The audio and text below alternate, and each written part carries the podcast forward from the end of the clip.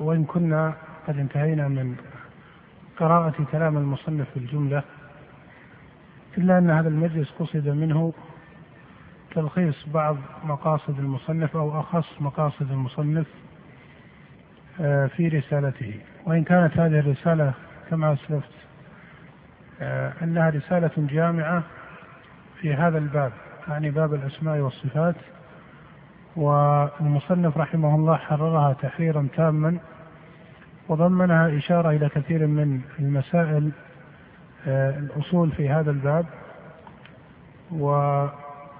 ولهذا ما تقدم في هذين الأسبوعين أو في الأسبوعين المتقدمين من المجالس في شرحها فإنه إشارة إلى بعض المسائل فيها. بطريقة الاختصار وإلا فإن هذا المتن أعني متن الرسالة الحموية يحتاج إلى آه، مجالس أكثر من هذا بكثير لشرحه شرحا مفصلا. ولهذا ما تقدم هو لا يعد حقيقة من الشرح التام أو من الشرح المتتبع وإنما هو تعليق مختصر على بعض مسائل هذه الرسالة وإلا فإن شرحها يحتاج إلى أكثر من هذا بكثير. وأظن أشرت في أول مجلس أو في ثاني مجلس إلى أن ثمة مقاصد آه، حاولت أن أعيد صياغتها في هذا أو صياغتها في هذا الدرس وحاولت أن آه، أجملها في عشرة مقاصد تضمنتها رسالة المصنف في هذا الباب. آه، يمكن أن نأخذ هذا المقاصد بشكل متسلسل ثم نعلق على كل مقصد منها بتعليق. وإذا انتهينا من مقاصد المصنف في هذه الرسالة وهي مقاصد ليست معينة تعيينا صريحا في كلامه وإنما هي محاولة استقراء لمقاصده قدر الإمكان. في الغالب أنها ترجع إلى هذه العشرة آه التي أشرت إليها. وفي الغالب أيضا أنها في كلام المصنف متسلسلة. بمعنى أن المقصد الأول يقع في أول كلام المصنف ويكون المقصد الثاني بعده وهلم جرة وإن كان هذا ليس بالضرورة أن يكون مضطردا. إذا انتهينا من ذكر هذه المقاصد والتعليق عليها نأتي إلى ذكر بعض القواعد في هذا الباب أعني باب الأسماء والصفات وقد أشرت قبل إلى أن هناك بعض القواعد. وحاول أذكر في هذه الجلسة عشر قواعد هي أخص أو من أخص القواعد في هذا الباب.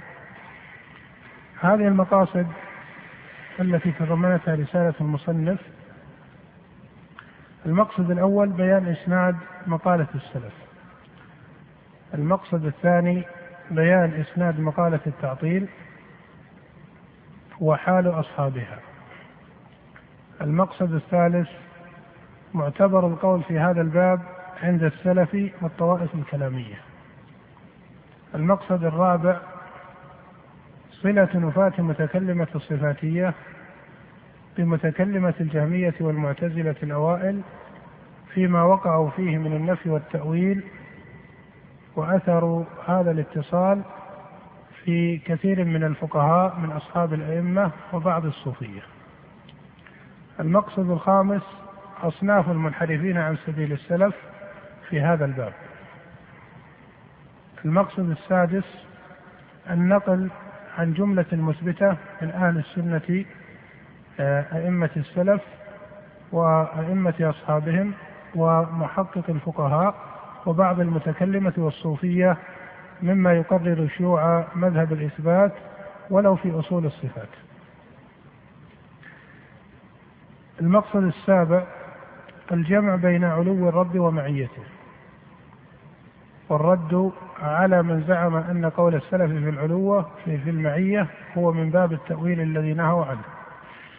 المقصد الثامن غلط المخالفين في تسمية وعقيدة أهل السنة. المقصد التاسع الأقسام الممكنة في آيات الصفات وأحاديثها. المقصد العاشر النظر في حال المخالفين يقع بنظرين نظر من جهة العلم ونظر من جهة القدر. هذه هي المقاصد العشرة التي تضمنتها رسالة المصنف عن الرسالة الحموية. المقصد الأول وهو إسناد مقالة السلف. فترى أن المصنف رحمه الله ابتدأ رسالته بتقرير مقدمات وتضمنت هذه المقدمات نتائج قطعية من جهة ثبوتها ومن جهة دلالتها وهذه النتائج إنما كانت قطعية لأنها انبنت على مقدمات قطعية الثبوت قطعية الدلالة. وترى أن هذه المقدمات وما تحصل عنها من النتائج هي مقدمات نظرية. ويمكن أن نقول بعبارة أخرى أو بأسلوب آخر هي أوجه من النظر الشرعي والعقلي. يتحصل بتحصيلها لزوما صحة مذهب السلف وبطلان مذاهب المخالفين لهم. وأما صحة مذهب السلف فيتحقق ذلك من جهة أن المصنف رحمه الله قرر أن نبوة محمد صلى الله عليه وآله وسلم وما أنزله الله عليه من الكتاب والحكمة هذا من جهته هديا ومن جهته رسالة سماوية هذا متفق عليه قطعي بين المسلمين. ثم يقول فهذا القرآن الذي هو قطعي الهداية عند المسلمين وهذه السنة النبوية التي هي قطعية الهداية عند المسلمين. يقول لا بد أن يكون القول في أصول الدين قد تضمنه القرآن والسنة. ويمتنع أن يكون القرآن الذي نزل هدى للناس وبينات من الهدى والفرقان. ويمتنع أن تكون السنة النبوية التي هي خير هدي كما في قوله صلى الله عليه وسلم أما بعد فإن خير الحديث كتاب الله وخير الهدي هدي محمد. فيمتنع أن يكون كتاب الله الذي هو خير كتاب وأن يكون هدي محمد الذي هو خير هدي. يمتنع أن يكون ترك باب أصول الدين لم يحكم. وهذا القطع كما تراه ضروريا. وهذا القطع كما تراه ضروريا. ثم يقول المصنف وقد اتفق المسلمون حتى المخالفين للسلف أو حتى المخالفون للسلف كالمعتزلة والأشاعرة إلى آخره اتفقوا على أن القول في صفات الله وأفعاله من القول في أصول الديانة. وهذا الاتفاق على أن هذا الباب باب الأسماء والصفات من من القول في أصول الدين يعلم ضرورة بهذا الاتفاق الذي لا يختص به السلف وحدهم وإن كان المخالفون لهم خالفوهم في تقرير هذا الباب لكن اتفق أهل الإسلام على أن القول في أصول في باب الأسماء والصفات هو من القول في أصول الدين. فإذا كان من أصول الدين بإجماع المسلمين فإن أصول الدين قد علم أن النبي صلى الله عليه وسلم جاء ببيانها وإحكامها ضرورة. وكذلك القرآن بين هذا الباب وتم البيان. وإذا فرض خلاف ذلك فإنه يعني أن من أخص أصول الدين وهو القول في صفات الله وأفعاله ما لم يبينه الله في كتابه ولا بينه النبي صلى الله عليه وآله وسلم في سنته. وترى أن هذا التحصيل تحصيل قطعي. فإذا تحقق أن هذا من القول في أصول الدين وأن أصول الدين محكمة في الكتاب والسنة لزم على ذلك أن لا يكون الناس محتاجين في هذا الباب ولا في غيره لكنه في هذا الباب آكد يعني أبواب أصول الديانة أن لا يكون الناس محتاجين في هذا الباب إلى شيء لم يتضمنه الكتاب والسنة لا من جهة الدلائل ولا من جهة المسائل. بل هذا الباب دلائله ومسائله مقررة في الكتاب والسنة لأنه أصل من أصول الدين. وإذا كان متقررا عند المسلمين أن النبي صلى الله عليه وآله وسلم علم المسلمين الآداب العامة كآداب الأكل والشرب وأمثالها وله في هذا سنة معروفة فمن باب أولى أن يكون صلى الله عليه وآله وسلم قد علمهم وبين لهم وأحكم القول في باب أسماء الرب وصفاته. الذي من خالف ما بعث به النبي صلى الله عليه وسلم في هذا الباب فإنه يقع إما في تعطيل الرب عن صفات الكمال أو في تشبيه الخالق بالمخلوق وكلا القولين من مقالات الكفار والملاحدة. بل كان جمهور المشركين لا يقعون في آه، آه، خطأ صريح في هذا الباب بمعنى أنه كان من حيث الجملة يقر به. وهذا يتعلق بجنس مسألة الربوبية لا بتحقيق تفصيلها لأن القول في الصفات هو من القول في ربوبية الله تعالى. فإذا كان هذا متحققا فإن النبي صلى الله عليه وآله وسلم ألقى هذا البيان لأصول الدين ومن أخص أصول الدين القول في الأسماء والصفات ألقى هذا البيان وتلقاه عنه أصحابه. ومن هنا يعلم قطعا بالتسلسل العلمي العقلي أن الصحابة رضي الله عنهم كانوا محكمين للحق في باب الأسماء والصفات لأنهم تلقوا من الكتاب وعن نبيهم صلى الله عليه وآله وسلم. وقد تحقق بالضرورة العقلية والشرعية أن القرآن والسنة فيهما البيان. فيلزم أن يكون الصحابة قد تلقوا هذا البيان والإحكام. وفرض خلاف ذلك يلزم عليه أن يكون الصحابة إما أنهم لم يفهموا الحق وإما أنهم قصدوا الإعراض عنه. إما أنهم لم يفهموا سمعوا وأخذوا ولم يفهموا وإما أنهم قصدوا الإعراض عنه.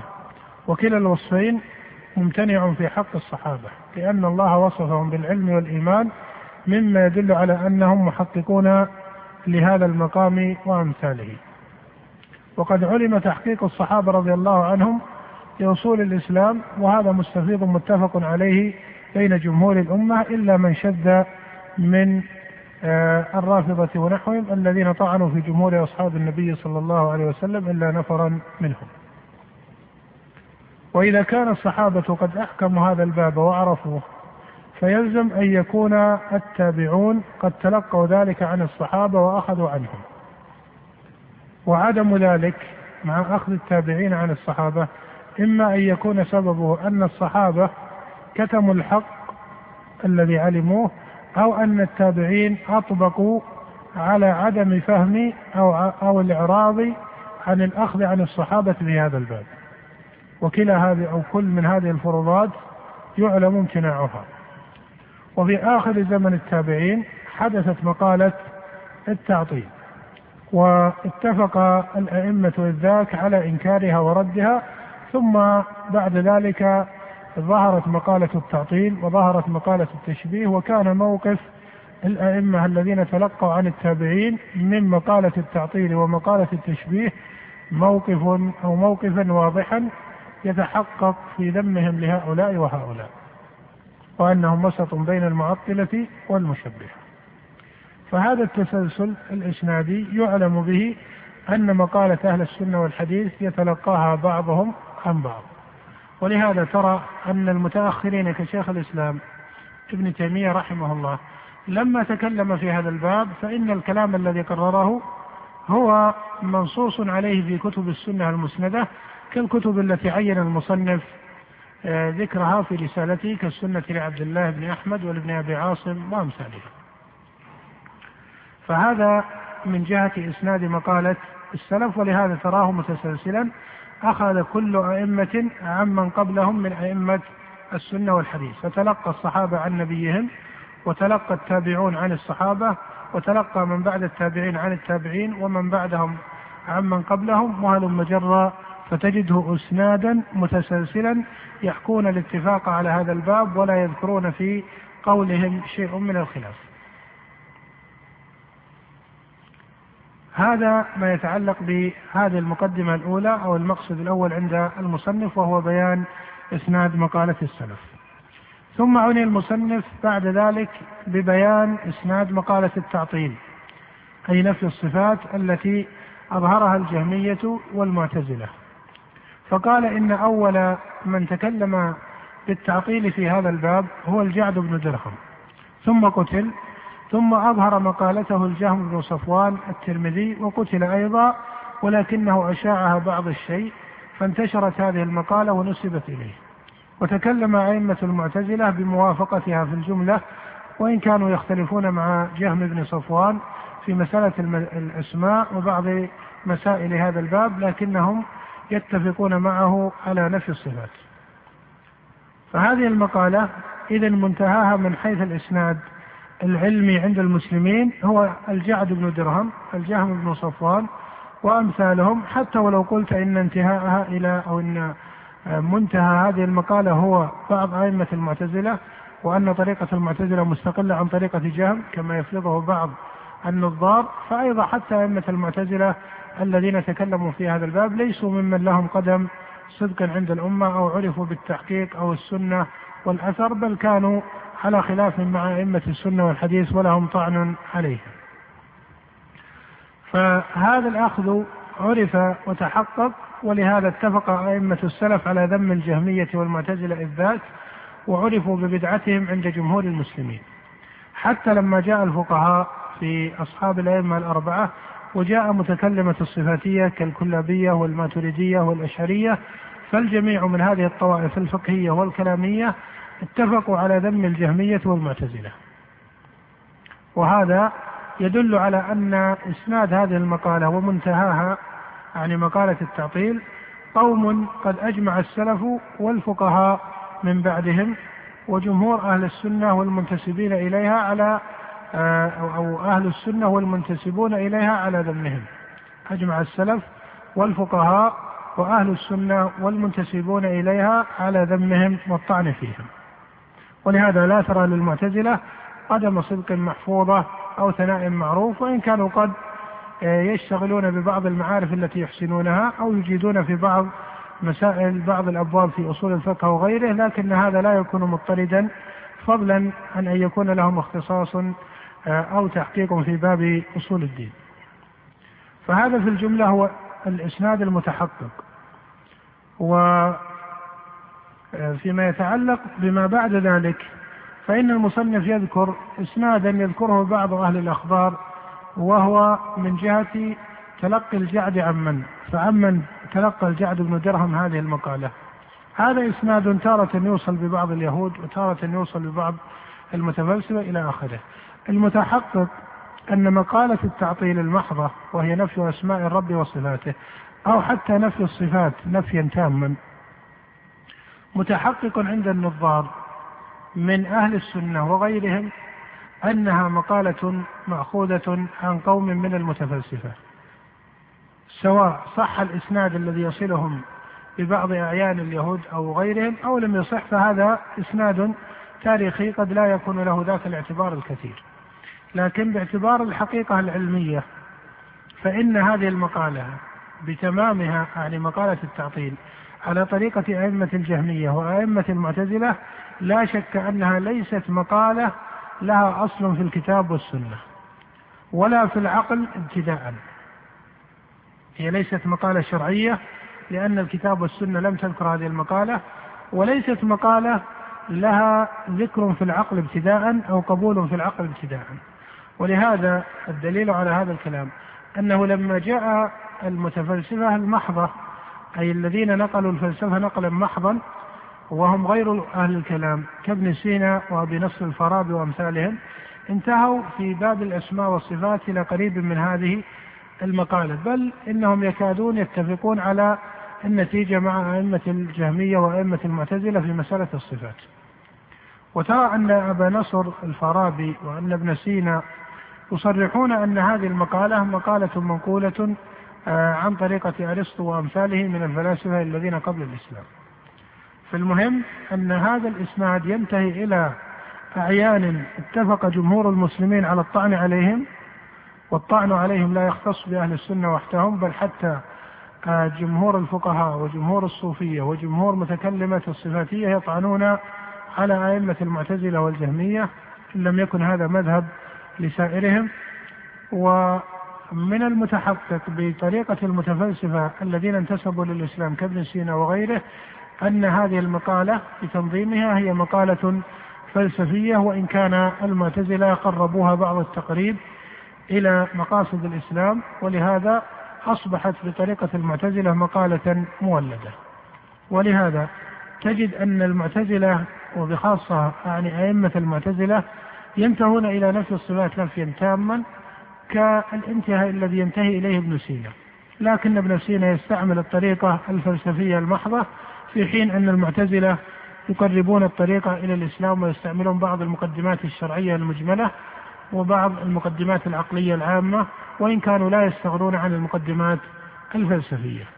وترى هذا متحققا في دليل الأعراض الذي استعمله المعتزلة لنفي الصفات وقارن بينه وبين دليل التركيب الذي استعمله ابن سينا لنفي الصفات فترى أنهما دليلان على طريقة ونمط واحد. ومحصل هذا أن مقالة التعطيل مقالة ينتهي إسنادها إلى نظريات فلسفية. من من الفلاسفة الذين يتبنى هذا؟ من الذي نقل؟ هذه قضايا لا تهم كثيرا.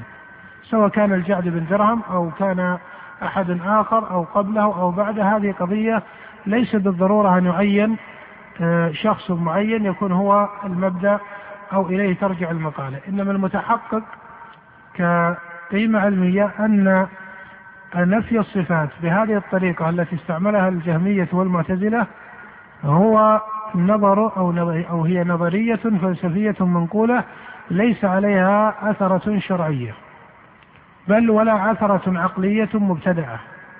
عثرة عقلية مبتدعة أي ابتدعها العقل دون الالتزام بقوانين فلسفية معينة. ولهذا لا تجد أن الأدلة الكبار التي تستعملها المعتزلة بل حتى الأشعرية وإن كان هذا مقصد يأتي التنبيه إليه آه، إلا وهي تتضمن بعض القوانين الفلسفية التي كان يستعملها آه، أئمة الفلاسفة قبل الإسلام كأرسطو وغيره. وإن كان يعلم أن الإسلاميين الذين تكلموا بهذه المقالات التي كان يتكلم بها أئمة الفلسفة لم يوافقوا أئمة الفلسفة موافقة مطلقة ولكن مقالاتهم محصلة من طريقة أولئك. ولهذا ترى أن ابن سينا مثلا انتهى إلى إثبات مسألة الوجود المطلق بشرط الإطلاق والتزم تقرير التجريد في كتبه تقريرا مطولا وانتهى إلى عدم إثبات الصفات الثبوتية مطلقا وإنما يقع عنده إثبات صفات السلوك أو الإضافات أو المركبات. وهذه الأسلوب وإن كان غلب عليه النمط الفلسفي إلا أن النتيجة المعتزلية الأولى عند أبي الهذيل العلاف وأبي إسحاق النظام وأمثالهم ومن باب أولى عند جهم بن صفوان وجعد بن درهم هي من حيث النتيجة واحدة وإن كان التقرير أعني أن تقرير المتفلسفة كابن سينا أخذ الحروف الفلسفية في حين أن المتكلمين كأئمة الجهمية وأئمة المعتزلة صارت حروفهم مولدة من أنماط فلسفية وأنماط لغوية إلى آخره. فمن هنا يتحصل أن هذا الإسناد ينتهي إلى قوم ممن عرف كفرهم وإلحادهم وهم المتفلسفة وهذا انقطاع صريح في مقالة التعطيل. المقصد الثالث في كلام شيخ الإسلام رحمه الله وهو معتبر القول في باب الأسماء والصفات عند أهل السنة والطوائف. فأما عند أهل السنة والجماعة فإن هذا الباب يحكم بالكتاب والسنة. كما قال الإمام أحمد نصف الله بما وصف به نفسه أو وصفه به رسوله صلى الله عليه وآله وسلم لا يتجاوز القرآن والحديث. فدلائل الكتاب والسنة هي الحاكمة في هذا الباب باب الأسماء والصفات. وإن كان ينبه في هذه الدلائل إلى مسألتين. إلى أن دلائل الكتاب والسنة ليست دلائل خبرية محضة كما زعمه كثير من غلاة المتكلمين. وعن هذا قالوا تعارض العقل والنقل ولهذا يصنف غلاتهم الدلائل النقلية السمعية القرآنية النبوية بأنها دلائل خبرية محضة مبنية على صدق المخبر ومقصود بأنها خبرية محضة أي أنها لم تضمن ترتيبا أو تصحيحا عقليا وإنما تصحيحها من جهة أن الذي تكلم بها كالنبي صلى الله عليه وسلم أو جاءت في القرآن قد علم لزوم صدقه. أو لزوم صدقه وهذا الطعن في دلائل القرآن قد نبه شيخ الإسلام إلى أنه قد استعمله كثير من ولاة المتكلمين بالتصريح قال وهو حال عامتهم وإن لم يصحوا به.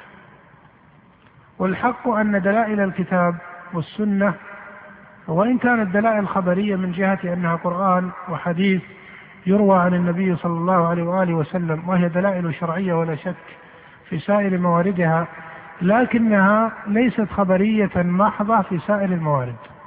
وإذا قلنا ليست خبرية محضة في سائر الموارد بمعنى أنها ليست مبنية على صدق المخبر فحسب.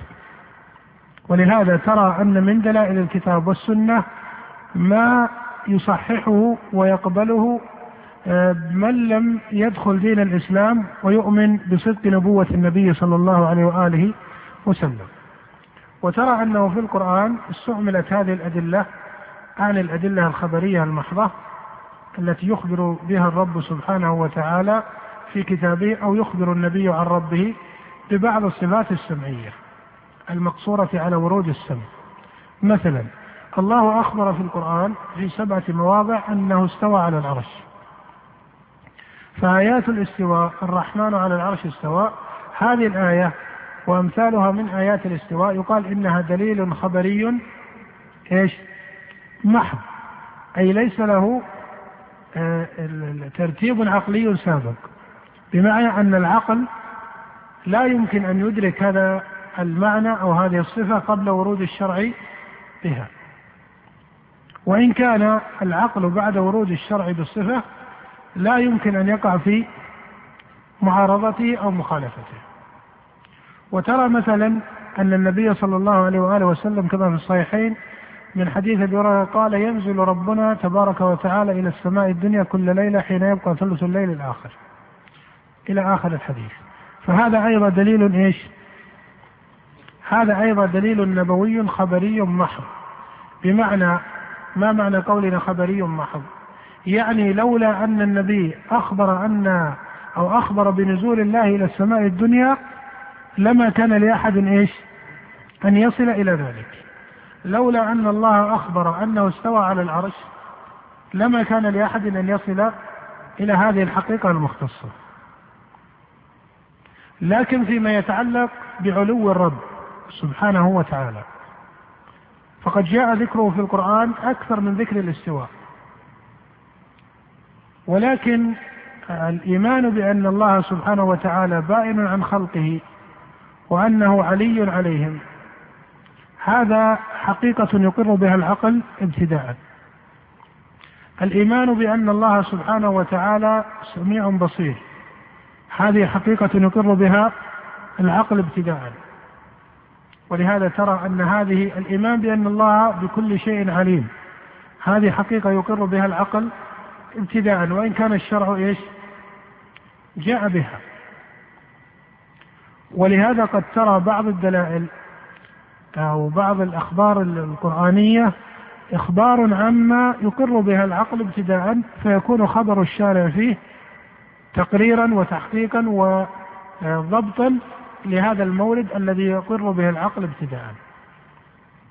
وهي معاني الربوبية الأساسية الأولى التي يشترك جمهور الخلق أو فطر جمهور الخلق على الإقرار بها ومعرفتها. وتراها في آيات الله الكونية كثيرة.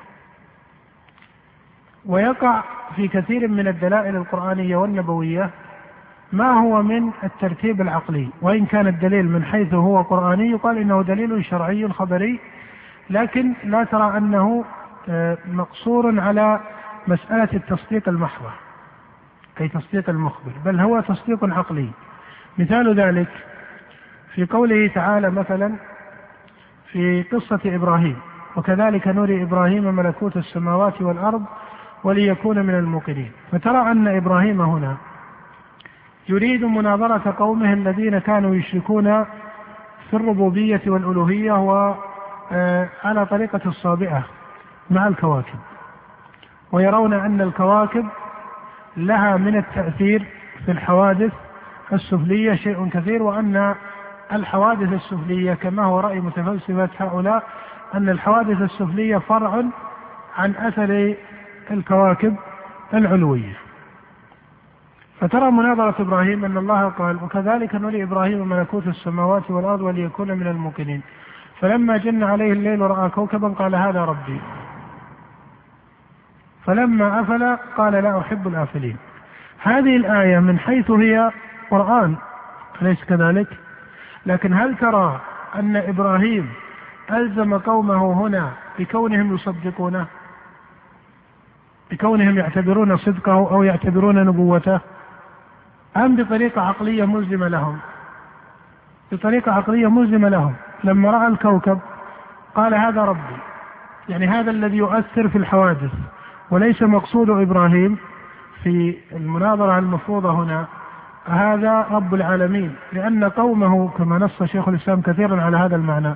قال إن قوم إبراهيم ما كانوا يعدون الواحد من الكواكب هو رب العالمين وإنما كانوا يعتبرون لكل نوع من الكواكب اختصاصا ببعض الآثار السفلية. فالأمطار مثلا فرع عن حركة الزهرة مثلا مع حركة كذا والرياح فرع عن حركة كذا وهلم جرا واضح؟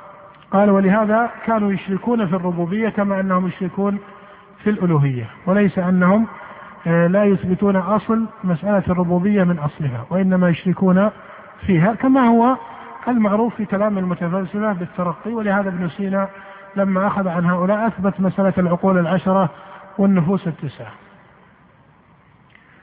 ثم قال في قوله تعالى وليكون فلما أفل قال لا أحب الآفلين فلما رأى القمر بازغا قال هذا ربي.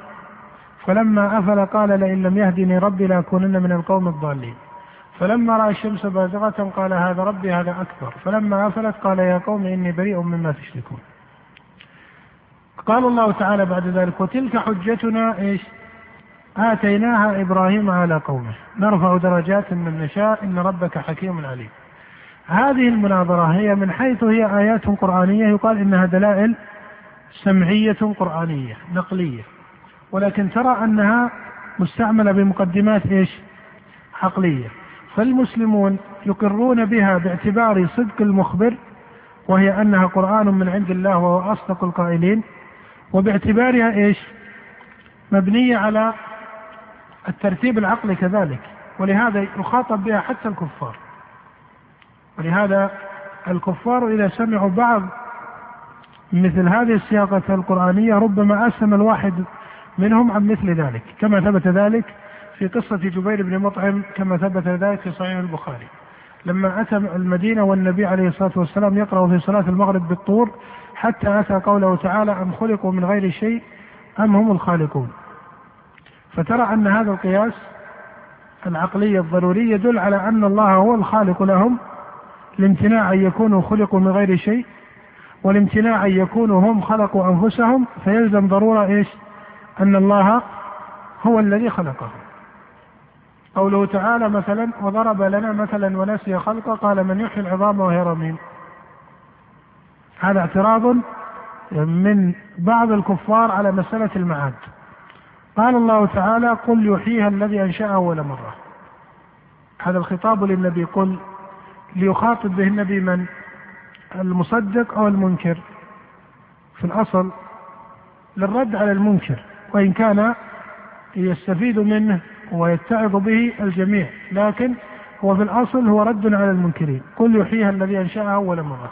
بمعنى أن الله خلق الخلق من العدم فمن باب أولى أن يعادوا إذا كانوا رميما فترى أن هذا من القياس العقلي الضروري. وهكذا القرآن تضمن كثيرا من ذلك. تضمن كثيرا من ذلك. وهذا هو مقصود شيخ الإسلام لما قال إن كثيرا من غلاة المتكلمين يقولون إن دلائل القرآن والحديث دلائل خبرية محضة أي أنها ليس فيها تقرير عقلي بل هي مجرد أخبار تصديقية.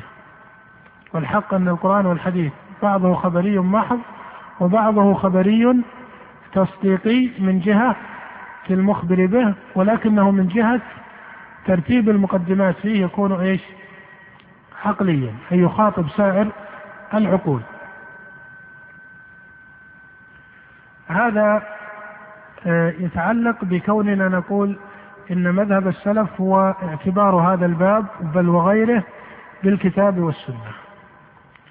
وقد ترى أحيانا أنه يقال هذا الباب معتبر بالكتاب والسنة والإجماع وأحيانا يقال هذا الباب معتبر بالكتاب والسنة لا فرق بين الأمرين لأن الإجماع لا بد أن يكون عن إيش؟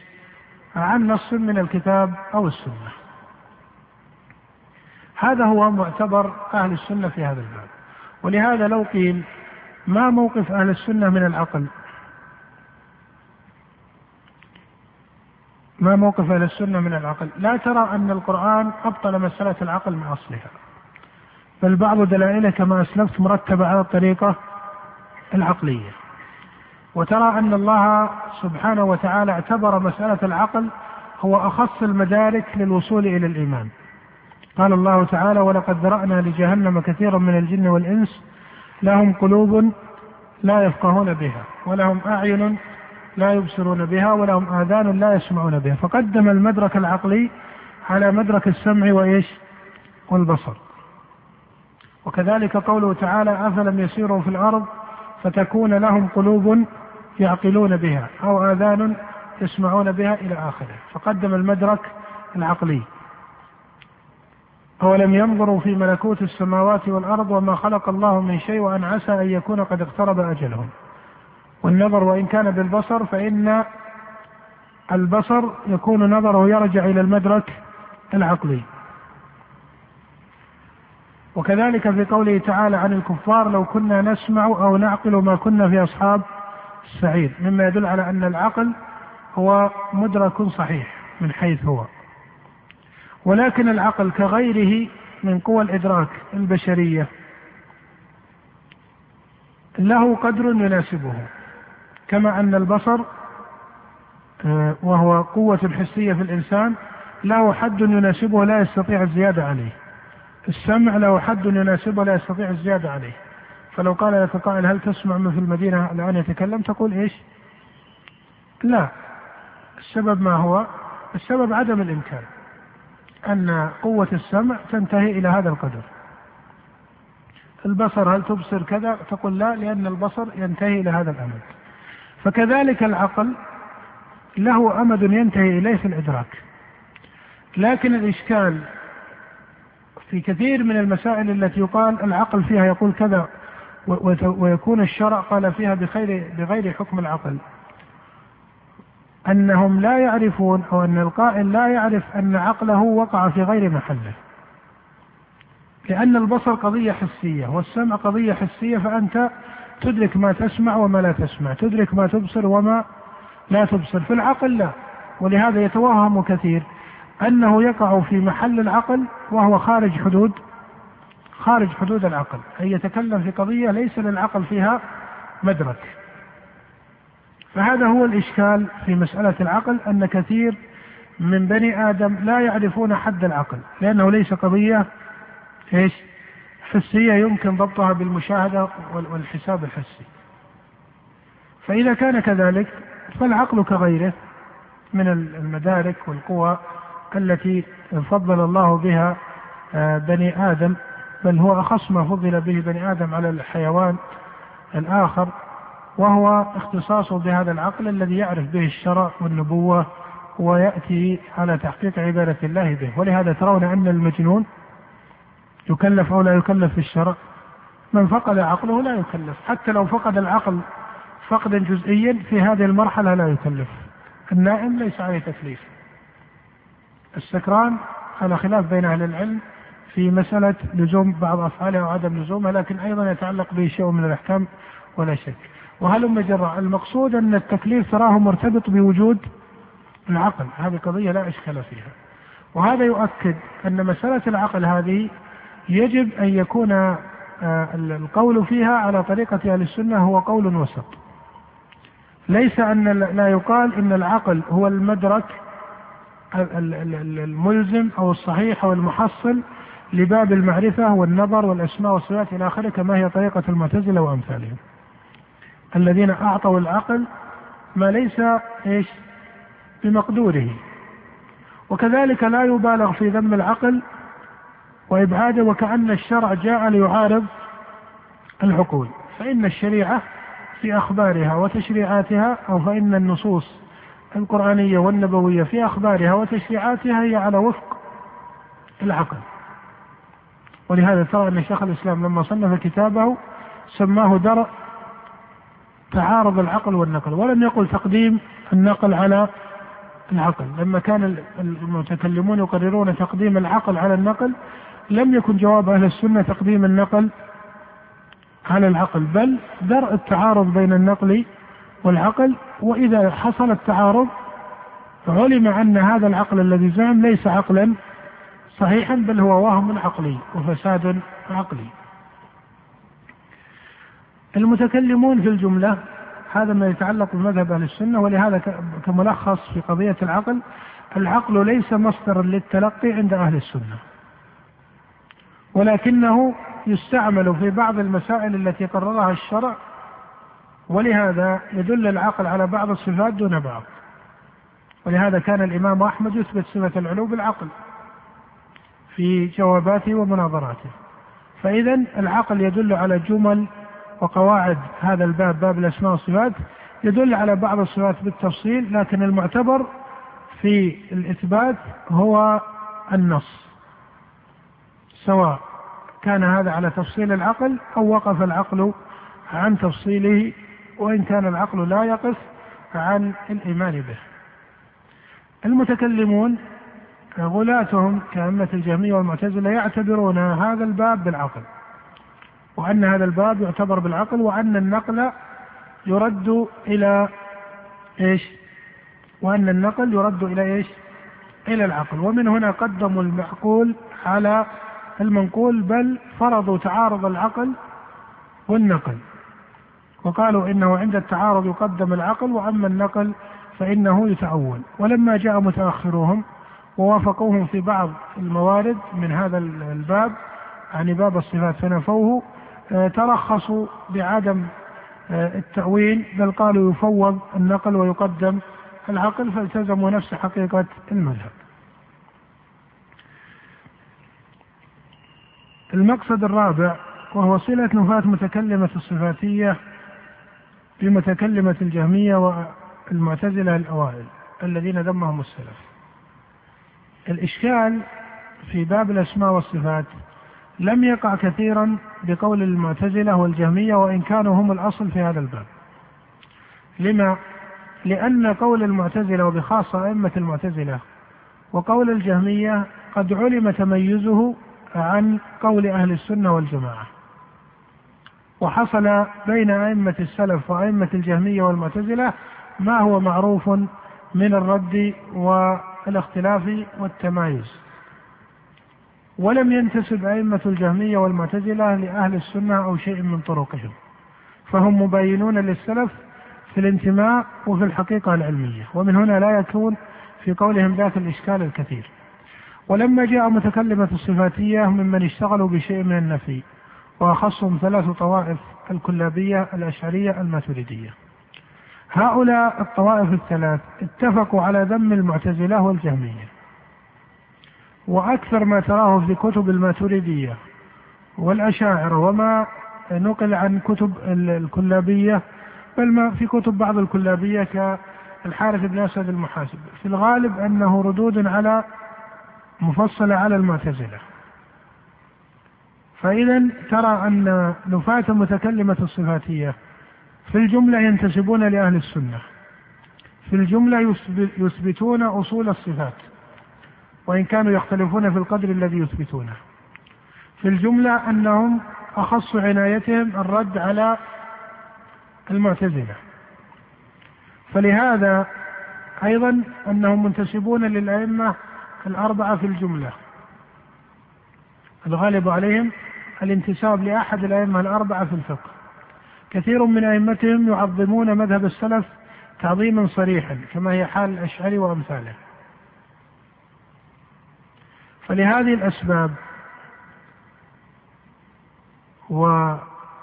ولغيرها أيضا ترى أنه وقع اشتباه كثير في هذه المذاهب المتأخرة فتأثر بها طوائف من الفقهاء وبعض الصوفية بل وشاعت في المتكلمين الذين ينتسبون للسنة والجماعة.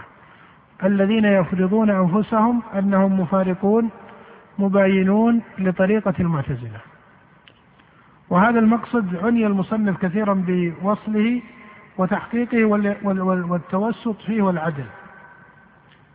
ولهذا لم قال آه، في قوله رحمه الله قال وهذه التأويلات الموجودة اليوم بأيدي الناس مثل أكثر التأويلات التي يذكرها أبو بكر بن فورك وأمثاله هي بعينها تأويلات بشر المريسي الذي ذمه السلف إلى آخره. بمعنى أن هؤلاء الطوائف الثلاث ومن وافقهم وإن كانوا قد خالفوا المعتزلة مخالفة حقيقية في بعض المسائل إلا أنهم فيما نفوه وتأولوه قد أخذوه عن الجهمية والمعتزلة. بمعنى أنه ليس في نفس الأمر في هذا الباب إلا أحد ثلاثة مذاهب وهي المذاهب التاريخية الأولى. إما مذهب أهل السنة أو مذهب المعطلة النفاة الجهمية والمعتزلة أو مذهب المشبهة. هذه هي المذاهب المعتبرة في هذا الباب من حيث الحقيقة العلمية ومن حيث الحقيقة التاريخية. من حيث الحقيقة العلمية أن الحقيقة العلمية لا تخرج عن هذه الفروضات الثلاث إما التشبيه أو النفي الصريح أو الإثبات مع التنزيه عن التشبيه كما هي طريقة أهل السنة. هذه الفروضات الثلاث لا تخرج الحقيقة العلمية في هذا الباب عنها.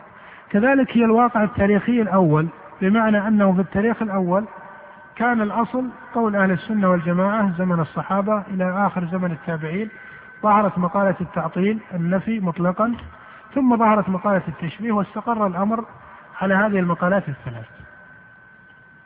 حتى جاء متكلمة الصفاتية ومال بعضهم كمحمد بن كرام السجستاني إلى طريقة التشبيه ومال جمهورهم إلى شيء من الجمع بين طريقة أهل السنة المحضة وبين طريقة التعطيل.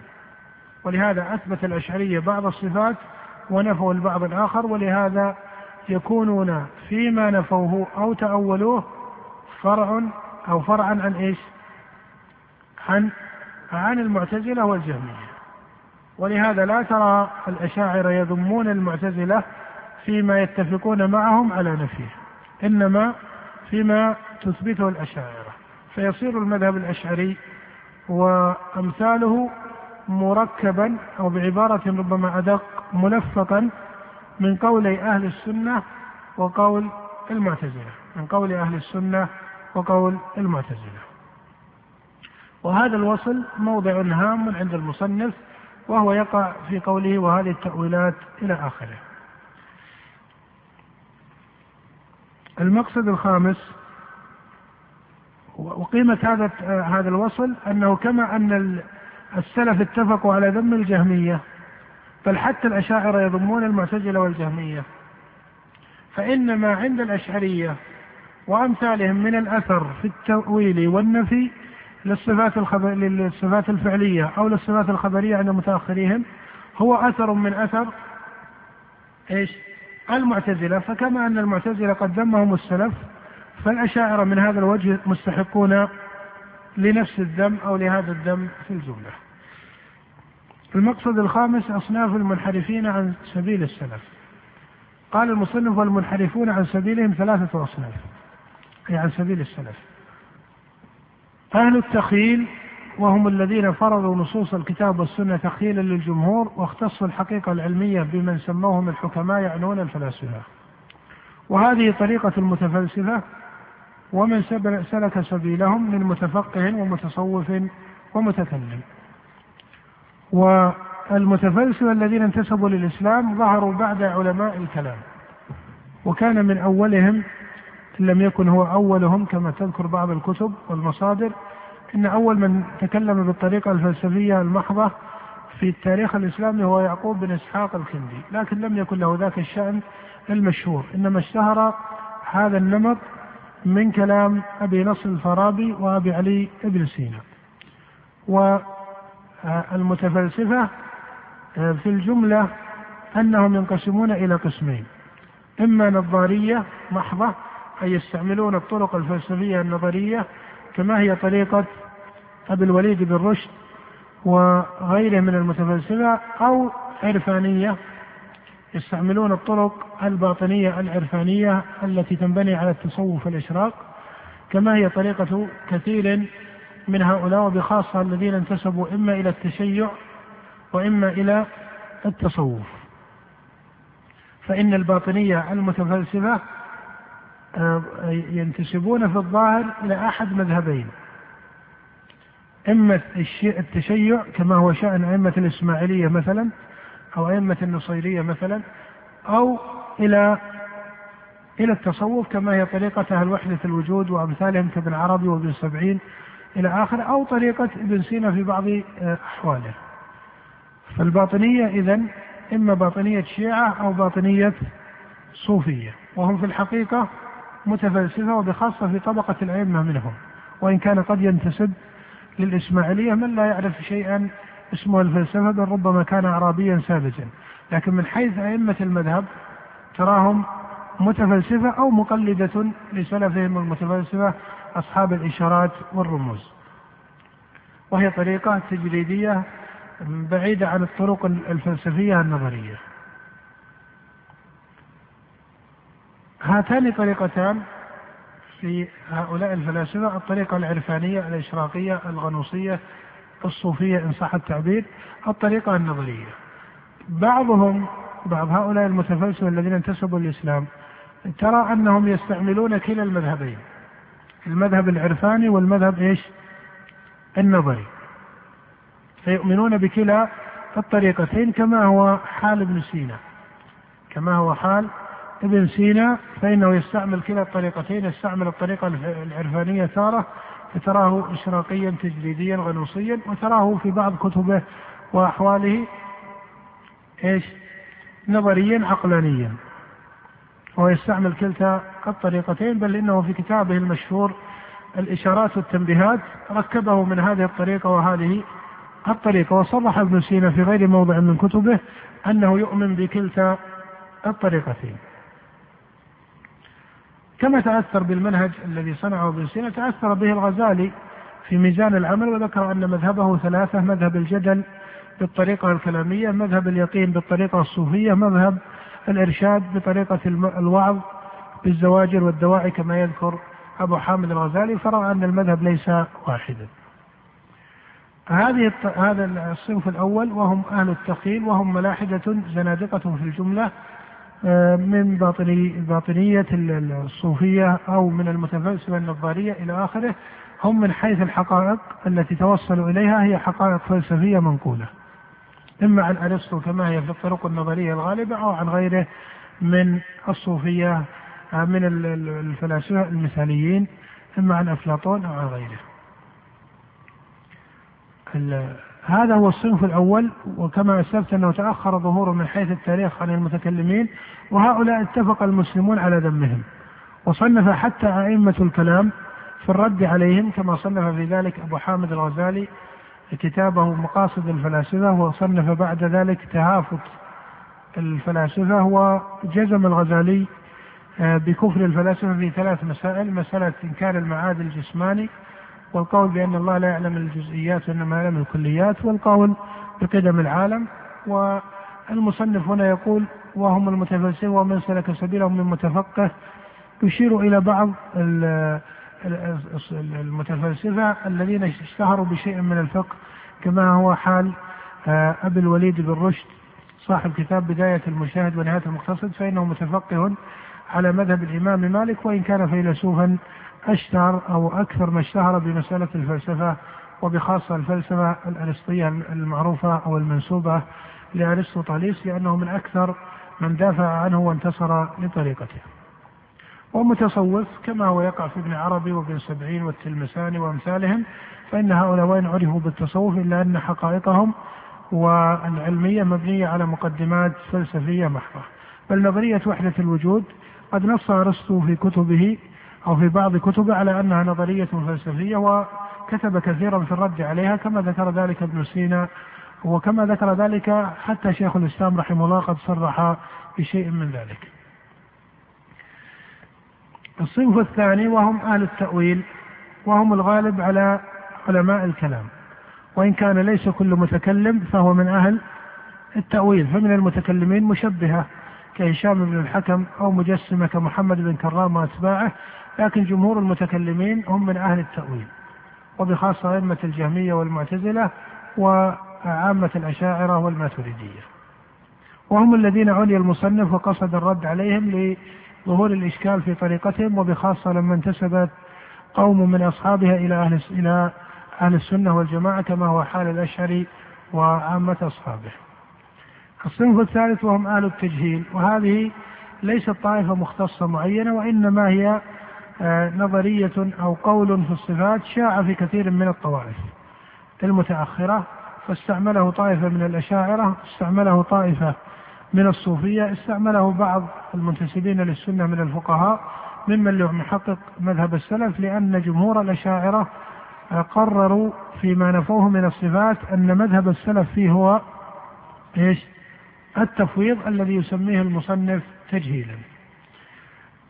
المقصد السادس النقل عن أهل الإثبات بمعنى أن المصنف نقل عن أعيان أئمة السلف ما يدل على إثبات الأسماء والصفات وهذا نقل آه، يقصد بحقيقته قصدا تاما ولكنه نقل بعد ذلك عن بعض الفقهاء وعن بعض الصوفية وعن بعض المتكلمين ليقرر أن ما قرره المتأخرون من الأشاعرة من الاختصاص الحنبلي في هذه المسألة ليس كذلك وإن الإثبات وبخاصة لمسألة العلو وغيرها من الصفات وبخاصة الصفات الخبرية شائع في آه، جنس طوائف المثبتة من المتكلمين والصوفية والفقهاء وليس هناك اختصاص حنبلي في هذه المسألة. هذا مقصود المصنف من هذا النقل ولهذا ليس كل من نقل عنه المصنف فإنه يلتزم صحة ما نقل عنه أو أنه يعتبر قول هذا الذي نقل عنه في سائر الموارد كما هو معروف في نقله عن الباقلاني أو عن أبي المعالي الجويني أو عن حتى أبي الحسن الأشعري إلى غير ذلك المقصد السابع عناية المصنف بعد هذه النقولات بالجمع بين العلو والمعية وهو يقرر أنه ليس في شيء من نصوص الكتاب والسنة تعارض وليس في شيء من نصوص الكتاب والسنة ما يعارض العقل بمعنى أن النصوص لا تعارض بينها من حيث آه، النص مع النص ولا تعارض بين النصوص والدلائل العقلية الصحيحة. وأخص ما شغب به كثير من النفاة على السلف أو من أهل التأويل على السلف مسألة المعية حيث قال السلف في المعية العامة إن الله مع خلقه بعلمه وإحاطته وفي المعية الخاصة قالوا بنصره وولايته وتأييده. فيبين المصنف أن هذا ليس من باب تأويل المعية وأن المعية لا تناقض علو الرب سبحانه وتعالى فالله هو العلي الأعلى وهو فوق سماواته مستو على عرش بائن من خلقه وهو مع سائر خلقه بعلمه وإحاطته ومع أوليائه بنصره وتأييده. ذلك أن لفظ مع في العربية لا يستلزم الحلول والذاتية بل هو مطلق المقارنة والمصاحبة وهذه المقارنة والمصاحبة قد تكون مماسة أو قد تكون علمية أو قد تكون نصرا وتأييدا بحسب السياق. وسياقها في القرآن يمتنع أن يكون يقصد به المماسة والذاتية والحلول لأنه في حق الرب سبحانه فإذا هي مفسرة في المقامين إما بالعلم والإحاطة أو بالنصر والتأييد وإن كانت قد تستعمل في الذاتية والمماسة والحلول بين المخلوقات. كما إذا قلت مثلا عقلي معي أو يدي معي أو كتابي معي فقد يكون مماسا لك حالا فيك آه، كما هو في مسألة العقل أو مماسا لك كما هي المسألة إذا قلت كتابي معي لكن هذه الفروضات ليست لازمة في مسألة المعية حتى بين المخلوقات فإن العرب تقول ما زلنا نسير والقمر معنا ومع ذلك لم يلزم أن يكون حالا أو مماسا وإذا كان هذا متحققا في المخلوقات بعضها مع بعض في معيتها فهو في حق الخالق من باب أولى. المقصد الثامن غلط المخالفين في تسمية وعقيدة أهل الحديث. عقيدة أهل السنة والجماعة لا تتلقى إلا من كتب أهل السنة والجماعة. أوصاف أهل السنة والجماعة لا تتلقى إلا من كتب أهل السنة والجماعة. ذلك أن المخالفين طعنوا في أسماء أهل في اسم أهل السنة فسموهم كما هو شأن الجهمية مثلا سموهم حشوية وسموهم مشبهة. الرافضة تسميهم نواصب. وهل جرى من التسميات التي هي من العدوان والبغي على أئمة السنة والحديث من فقهاء الإسلام وأئمته. وكذلك عقيدة أهل السنة التي ذكرها كثير من المتكلمين لا يعتبر الذكر بها بل عقيدتهم تؤخذ من الكتب المصنفة في عقيدتهم وهي العقيدة المذكورة في الكتاب والسنة. ذلك أن الكتب المقالات مقالات الإسلاميين كالمقالات لأبي الحسن الأشعري مقالات الإسلاميين واختلاف المصلين للأشعري أو الملل والنحل للشهرستاني مثلا أو الفرق بين الفرق للبغدادي آه هذه الكتب وأمثالها كالمحصل للرازي أو اعتقادات فرق المسلمين والمشركين. وإن كانت تذكر آه ما تسميه اعتقاد أهل السنة فهم على أحد حالين. إما أنهم يذكرون قول أهل السنة بشيء من التفصيل ولكنهم يقصدون بأهل السنة من؟ الأشاعرة كما هو شأن البغدادي في كتابه الفرق بين الفرق. فإنه خصص مقالة أهل السنة والحديث وشرحها شرحا مفصلا أو أو أهل السنة وشرحها شرحا مفصلا يقصد بها من؟ الأشاعرة. أو أنهم أحيانا يذكرون قول أهل السنة يعنون الأئمة لكنهم يجملونه إجمالا شديدا. كما هو شأن أبي الحسن الأشعري في كتاب المقالات. أو أنهم يضيفون إلى السلف أو إلى بعضهم ما يعلم أنه غلط عليهم. كما هو شائع في هذه الكتب التي صنفت في المقالات وصنفها أئمة أو قوم من أئمة الكلام. كما هو في شأن أو كما هو شأن الشهرستاني في كتابه الملل والنحل ولهذا الشهرستاني وأمثاله وإن كانوا من أعلم الناس بالمقالات إلا أنهم من أجهل الناس بمقالات أهل السنة والحديث فهذا مقام يعرف أن مقالة أهل السنة تتلقى من الكتب المصنفة في عقيدة أهل السنة وقد ذكر المصنف في رسالته هنا كثير منها أو من الكتب المتأخرة بعد ذلك كتب شيخ الإسلام ابن تيمية وأمثالها. بعد ذلك المقصد التاسع قبل الأخير يذكر المصنف الأقسام الممكنة في باب الأسماء والصفات. هذه الأقسام التي قال المصنف الأقسام الممكنة في آيات الصفات وأحاديثها ستة أقسام. على كل قسم طائفة من أهل القبلة. لا يقصد المصنف أن كل طائفة التزمت قسما ورفضت غيره. هذا يقع لكنه ليس مضطردا. بمعنى أن أهل السنة التزموا الإثبات مع التنزيه عن التشبيه لكن مسألة الوقف ترى أن بعض طرق الوقف الذي هو التفويض يستعمله بعض من يستعمل إيش؟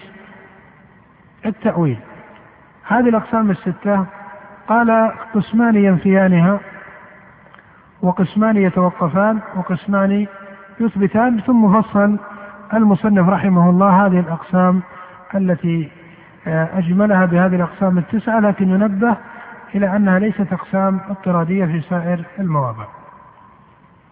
أو قسمان نعم. قال قسمان يقولان على ظاهرها ثم إما يجعلون ظاهرها التشبيه وإما يجعلونه إيش؟ الإثبات مع التنزيه عن التشبيه كما هي طريقة أهل السنة. وقسمان يقولان ليست على ظاهرها وقسمان يتوقفان. ثم ذكر أن القسمين اللذين ينفيان ظاهر النصوص إما أنهم ينفون اللفظ والمعنى أو أنهم ينفون المعنى ويتوقفون في اللفظ ولهذا تكون أقسام المفوضة في كلام المصنف كم؟ لا أقسام المفوضة في كلام المصنف ثلاثة القسمان الواقفان هذا صريح أنه مفوضة القسم الثاني من القسمين اللذين إيش؟ ينفيان ظاهرها إما إنهم ينفون الظاهر لفظا ومعنى أو ينفون المعنى ويسكتون عن اللفظ. المقصد العاشر ما أشار فيه المصنف في ختام الرسالة إلى النظر في حال المخالفين. فقد بين في أول رسالته أنهم في قول مختلف وذكر نقلا عن الرازي في كتابه أقسام اللذات لما قال لقد تأملت الطرق الكلامية والمناهج الفلسفية فما رأيتها تشفي عليلا ولا تروي غليلا ورأيت أقرب الطرق طريقة القرآن. ونقل عن آه، الشهرستاني في كتابه نهاية الأقدام. لعمري لقد طفت المعاهد كلها وسيرت طرفي بين تلك المعالم فلم أرى إلا واضعا كف حائر على ذكر أو قارع سن ندم. وقد نقل عن أبي المعالي الجويني إلى آخره. فبين أن هؤلاء قد استولت عليهم الحيرة وأنهم لم يحققوا في هذا الباب بشيء من العلم لأنهم أعرضوا عن محل التحقيق والعلم في هذا الباب وهو الكتاب والسنة. فهم يذمون من هذا الوجه ويطعن على مذهبهم كثيرا ويبين أنه مذهب مخالف للقرآن والحديث ومخالف لإجماع السلف.